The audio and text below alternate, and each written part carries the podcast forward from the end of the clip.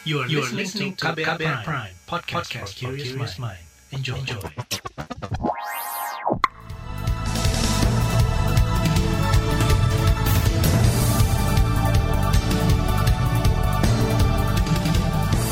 Selamat pagi saudara, senang sekali kami bisa menjumpai Anda kembali melalui program Buletin Pagi edisi Senin 22 Maret 2021.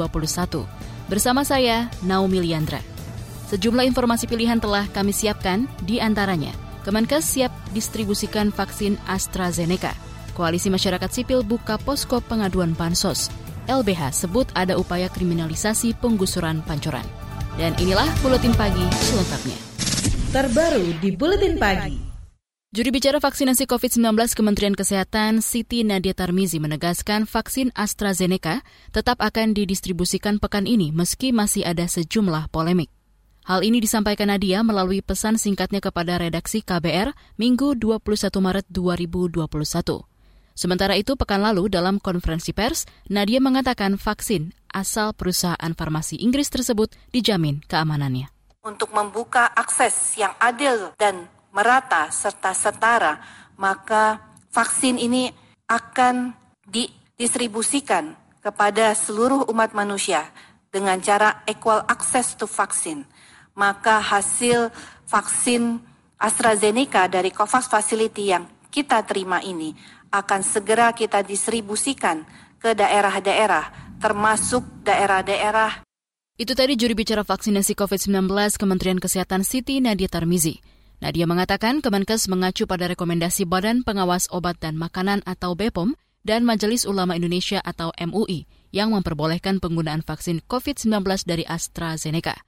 Kata dia, Kemenkes tengah menyiapkan pengemasan untuk pendistribusian sehingga program vaksinasi dipercepat. Majelis Ulama Indonesia MUI mengungkapkan ada lima pertimbangan vaksin AstraZeneca mendapat izin penggunaan meski diduga mengandung unsur babi. Ketua MUI Bidang Fatwa Asroroni Amsoleh mengatakan AstraZeneca boleh digunakan lantaran dalam kondisi darurat, vaksin dinilai mendesak sebagai salah satu upaya mengendalikan pandemi virus corona di Indonesia.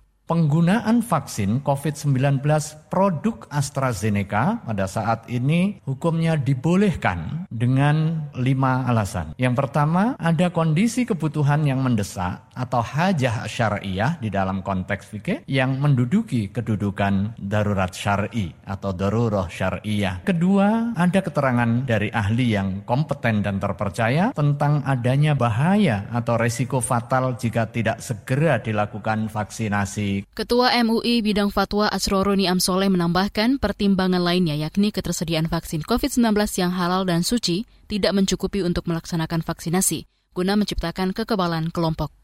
Selain itu, pemerintah juga tak bisa memilih jenis vaksin COVID-19 mengingat keterbatasan kuota di tingkat global. Apalagi saat ini sudah ada jaminan keamanan oleh pemerintah. Juri bicara vaksin COVID-19 dari Badan Pengawas Obat dan Makanan BPOM Lucia Rizka Andalusia memastikan penggunaan vaksin AstraZeneca telah melalui kajian dan investigasi. Kajian ini dilakukan bersama Komisi Nasional Penilai Obat, Komnas Kejadian Ikutan Pasca Imunisasi atau Komnas KIPI, dan Kelompok Penasihat Teknis Imunisasi Nasional NITA GS. Lucia menegaskan, vaksin COVID-19 AstraZeneca bisa mulai digunakan karena manfaatnya jauh lebih besar daripada risiko yang ditimbulkan.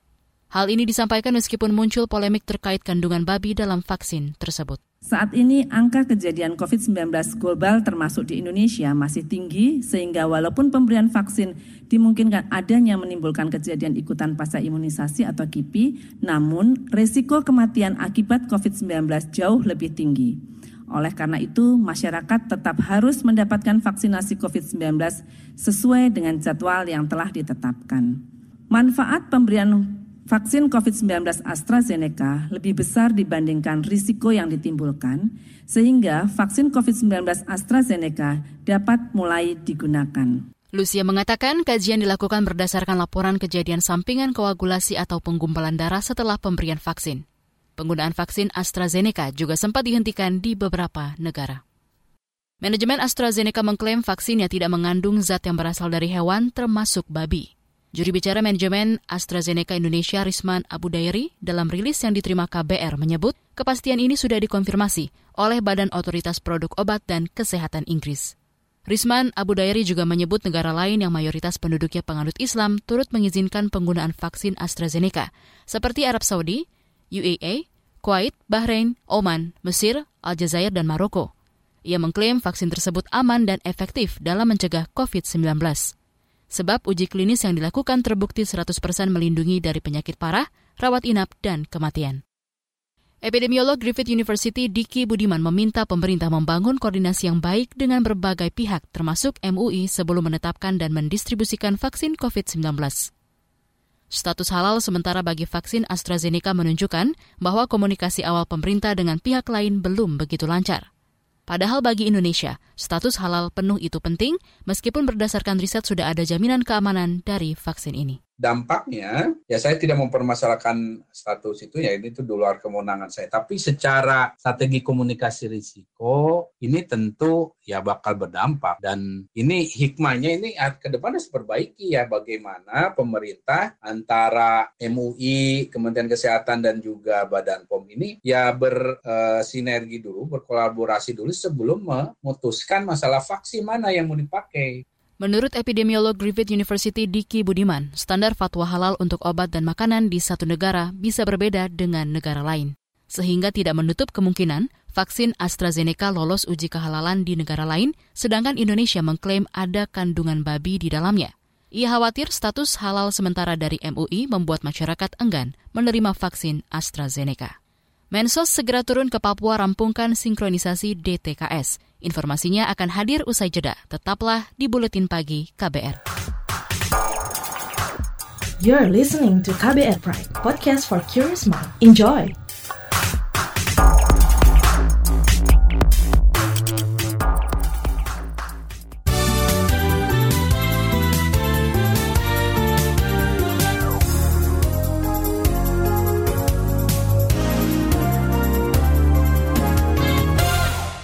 Anda sedang mendengarkan Buletin Pagi KBR. Kasus pasien positif COVID-19 meningkat 5.600-an kasus pada hari Minggu kemarin. Dalam laman resmi pemerintah, total kasus COVID-19 di Indonesia hingga kini mencapai lebih dari 1,4 juta kasus sejak pertama kali teridentifikasi. Dari angka itu tercatat 1,2 juta di antaranya sembuh dan 39 ribu lainnya meninggal dunia. Melihat peta sebaran kasus baru COVID-19, DKI Jakarta masih menempati peringkat teratas dengan kasus positif tertinggi, yakni 1.900-an kasus, diikuti dengan Jawa Barat sebanyak 800 kasus, Jawa Timur 280 kasus, Yogyakarta 240-an kasus, dan Banten 233 kasus. Menteri Sosial Tri Risma Harani menyebut sinkronisasi data penyaluran bantuan sosial harus selesai akhir Maret ini. Sinkronisasi dilakukan agar bansos dapat diberikan mulai April mendatang.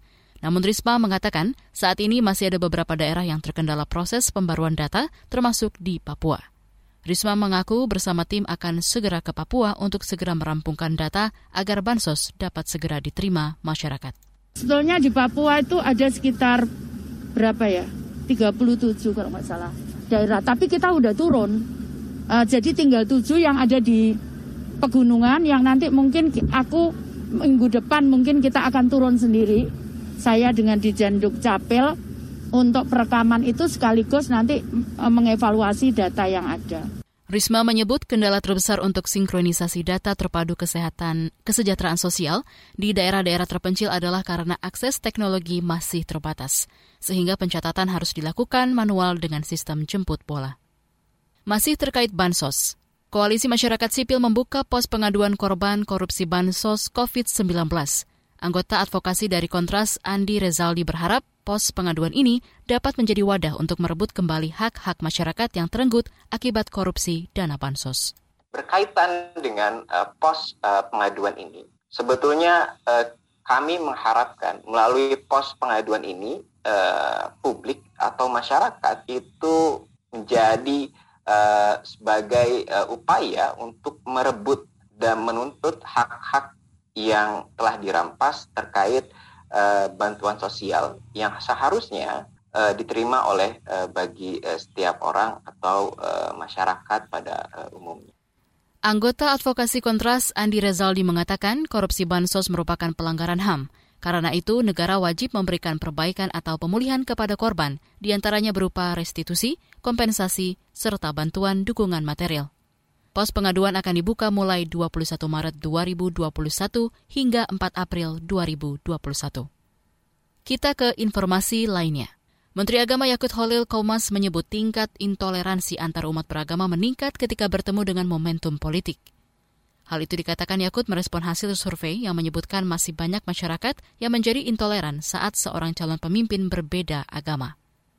Yakut mengatakan, momentum politik itu kemudian meningkatkan sikap intoleran maupun radikalisme saya juga meyakini itu, meyakini itu betul gitu. Karena apa? Saya merasakan betul saya mengikuti beberapa kontestasi politik utama gitu ya, di mulai dari Pilgub DKI sampai Pilpres kemarin. Ini kenapa? Saya kira ini lebih karena memang politisasi agama yang dimunculkan dalam tiap-tiap kontestasi politik. Kita lihat misalnya ketika dulu pilihan gubernur Pak Ahok lawan Pak Anies itu, Pak Anies. Bagaimana isu-isu agama menjadi dominan dan itu naik pesat dan itu terulang kembali ketika Pilpres kemarin. Menteri Agama Yakut Holil Kaumas mengatakan sikap intoleran juga muncul saat kontestasi politik tersebut diikuti oleh seseorang yang berbeda agama. Yakut mengaku dirinya bingung menghadapi permasalahan tersebut. Namun, ia mengklaim bakal berupaya untuk menghilangkan persoalan intoleran dan radikalisme yang kerap meningkat jelang pesta demokrasi itu. Menteri Hukum dan HAM Yasona Lauli meminta pihak Kongres Luar Biasa atau KLB Partai Demokrat pimpinan Muldoko melengkapi berkas KLB yang digelar di Deli Serdang, Sumatera Utara.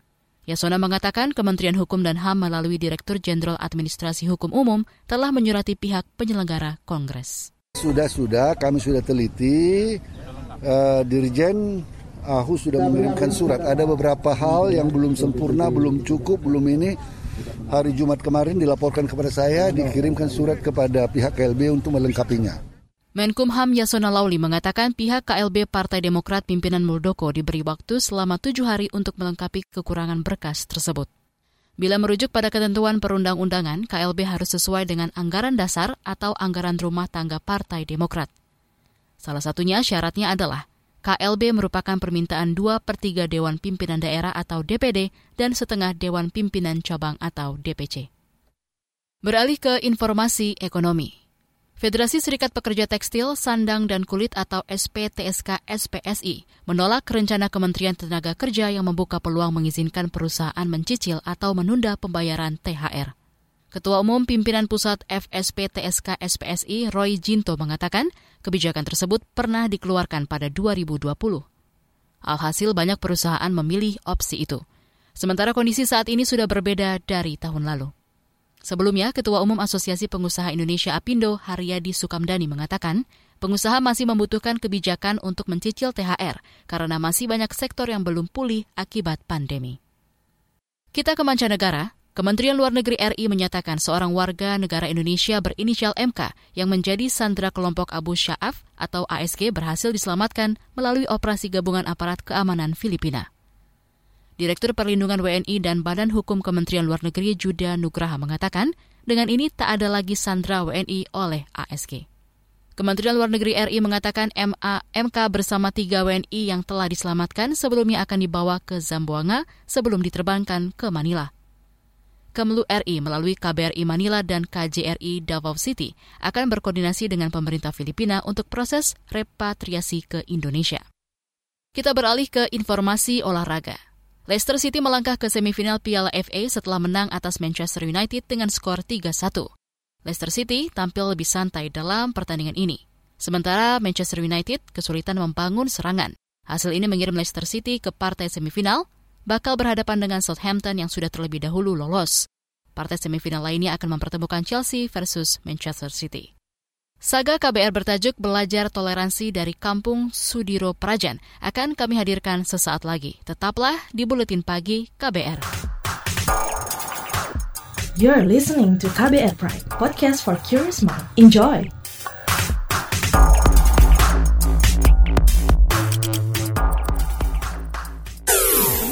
Commercial break. Suatu hari, virus berkumpul dan mulai kebingungan. Duh, bingung. Mau nyari mangsa ke mana lagi ya? Iya nih, semua orang pada pakai masker. Aku ada ide. kita nongkrong di rumah makan aja gimana? Ngeliatin orang-orang yang lengah nggak pakai masker.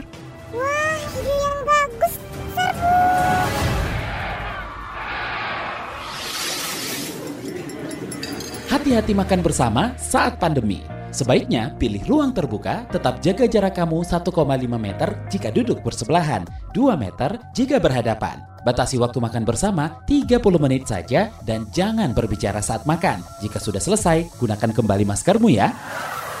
Jangan sampai lengah, COVID masih ada. COVID masih ada. Pesan layanan masyarakat ini adalah kampanye bersama media lawan COVID-19.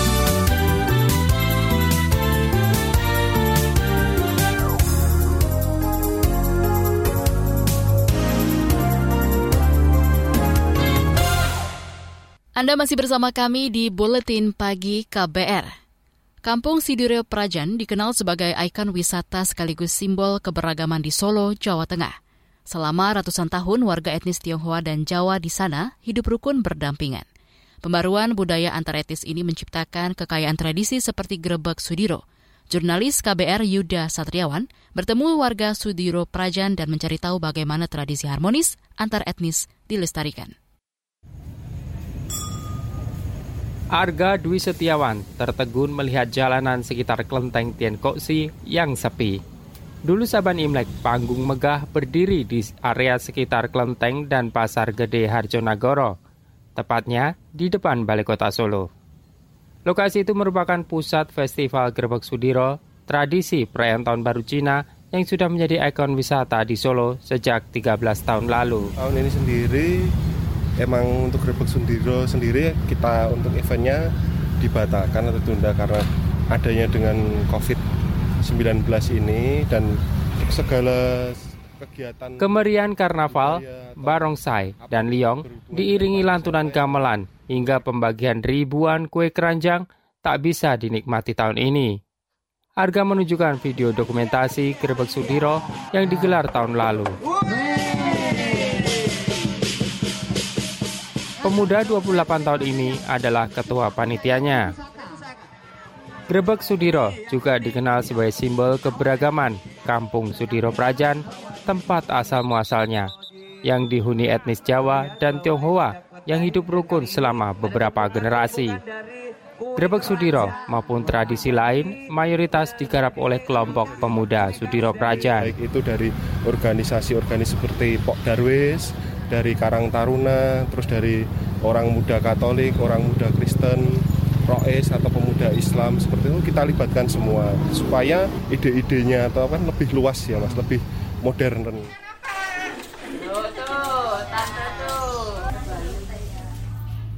Kerukunan dan akulturasi budaya tampak dalam keseharian. Pernikahan antar etnis bukanlah hal aneh di Sudiro Prajan. Monica Silvianingrum adalah salah satu anak hasil perkawinan campuran atau yang dikenal dengan sebutan ampiang.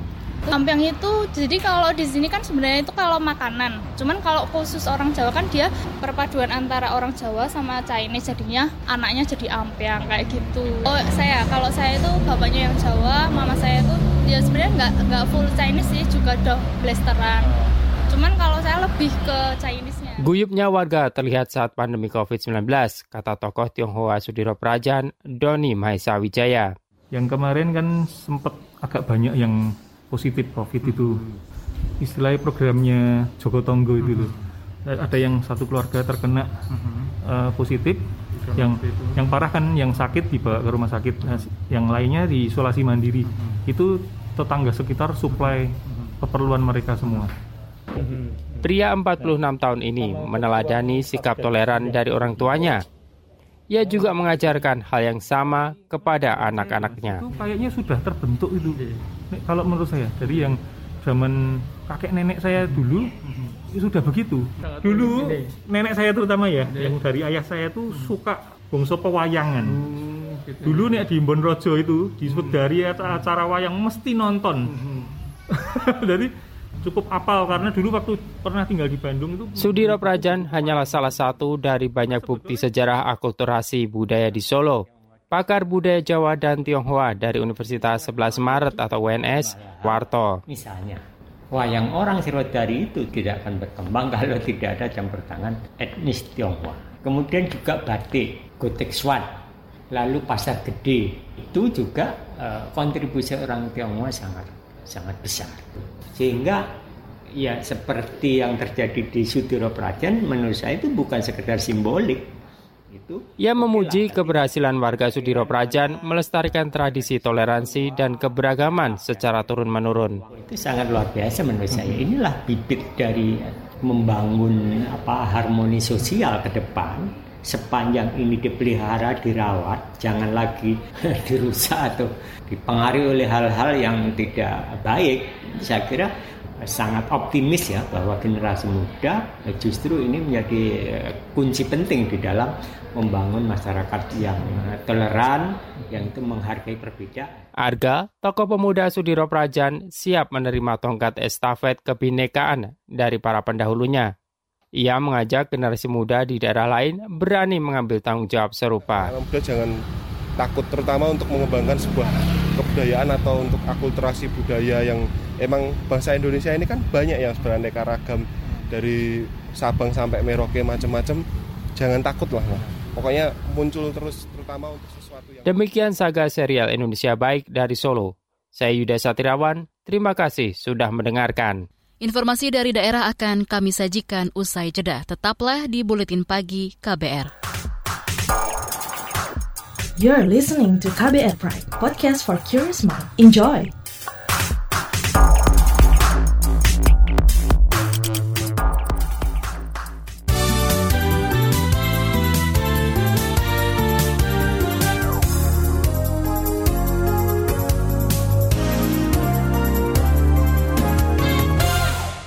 Inilah bagian akhir buletin pagi KBR.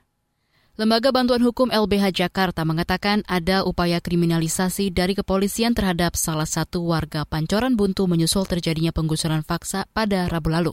Kepala Biro Advokasi Lembaga Bantuan Hukum LBH Nelson Simamora mengatakan penggusuran paksa disertai kekerasan merupakan lagu lama stop menggunakan kekerasan eh, preman-preman. Apalagi juga ini nih ini juga harus ditegaskan nih. Ini ada kriminalisasi juga nih kerjaan polisi manggil-manggil warga dengan uh, pasal-pasal pidana. Nah ini juga lagu lama juga gitu loh. Jadi stop lah polisian sikap-sikap yang yang berpihak gitu ya. Meskipun kemudian Pertamina adalah BUMN polisian merupakan perwakilan negara lah ya uh, pemerintah juga gitu ya. Tapi bukan begitu juga caranya Padahal menurut Nelson, landasan warga tinggal di tanah tersebut adalah menyewa. Hal itu bisa dikatakan sebagai itikat baik dari warga. Sebelumnya kerusuhan di Gang Buntu 2 Kelurahan Pancoran pecah pada Rabu pekan lalu. Konflik sengketa lahan antara PT Pertamina dan warga sendiri sudah mencuat sejak tahun lalu. Kedua pihak sudah melakukan mediasi yang difasilitasi oleh Wali Kota Jakarta Selatan dan menempuh jalur hukum di pengadilan. Namun menurut kesaksian warga, intimidasi dan upaya penggusuran paksa masih dilakukan dan memanas akhir-akhir ini. Sejumlah kalangan mendesak pemerintah untuk membuka kembali pembelajaran tatap muka di sekolah. Ketua Dewan Pendidikan Kabupaten Rembang, Holid Suyono, khawatir jika pembelajaran online diperpanjang justru akan menimbulkan dampak buruk. Daripada dia itu berkeliaran tidak jelas, banyak main game di rumah, di jalan-jalan, maka mendingan segera diambil keputusan sekolah tatap muka. Karena faktor madorotnya, negatifnya itu lebih banyak satu, mendesak pemerintah untuk segera menerbitkan aturan tatap muka, sekolah tatap muka. Yang kedua, mendesak aparat kepolisian jangan terlalu keras untuk mencegah orang-anak sekolah, anak-anak ngaji. Karena apa? Itu nuntut ilmu. Di sisi lain, Kepala Sekolah SMPN 1 Lasem Estu Dwi Winarni mengatakan sudah melakukan survei pada orang tua terkait rencana membuka kembali sekolah. Dari total 870 orang tua murid, 79 persen di antaranya menghendaki pembelajaran tatap muka. Alasannya beragam, tapi yang paling mendominasi karena pembelajaran online tidak efektif dan kesulitan orang tua mendampingi anak pelajar. Informasi tadi menutup jumpa kita di Buletin Pagi hari ini. Pantau juga informasi terbaru melalui kabar baru, situs kbr.id, Twitter kami di akun @beritaKBR, serta podcast di alamat kbrprime.id. Akhirnya, saya Naomi Liandra bersama tim yang bertugas undur diri. Salam.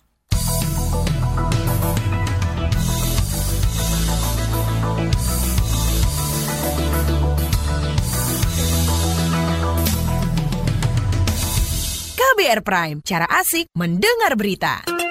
KBR Prime, podcast for curious mind.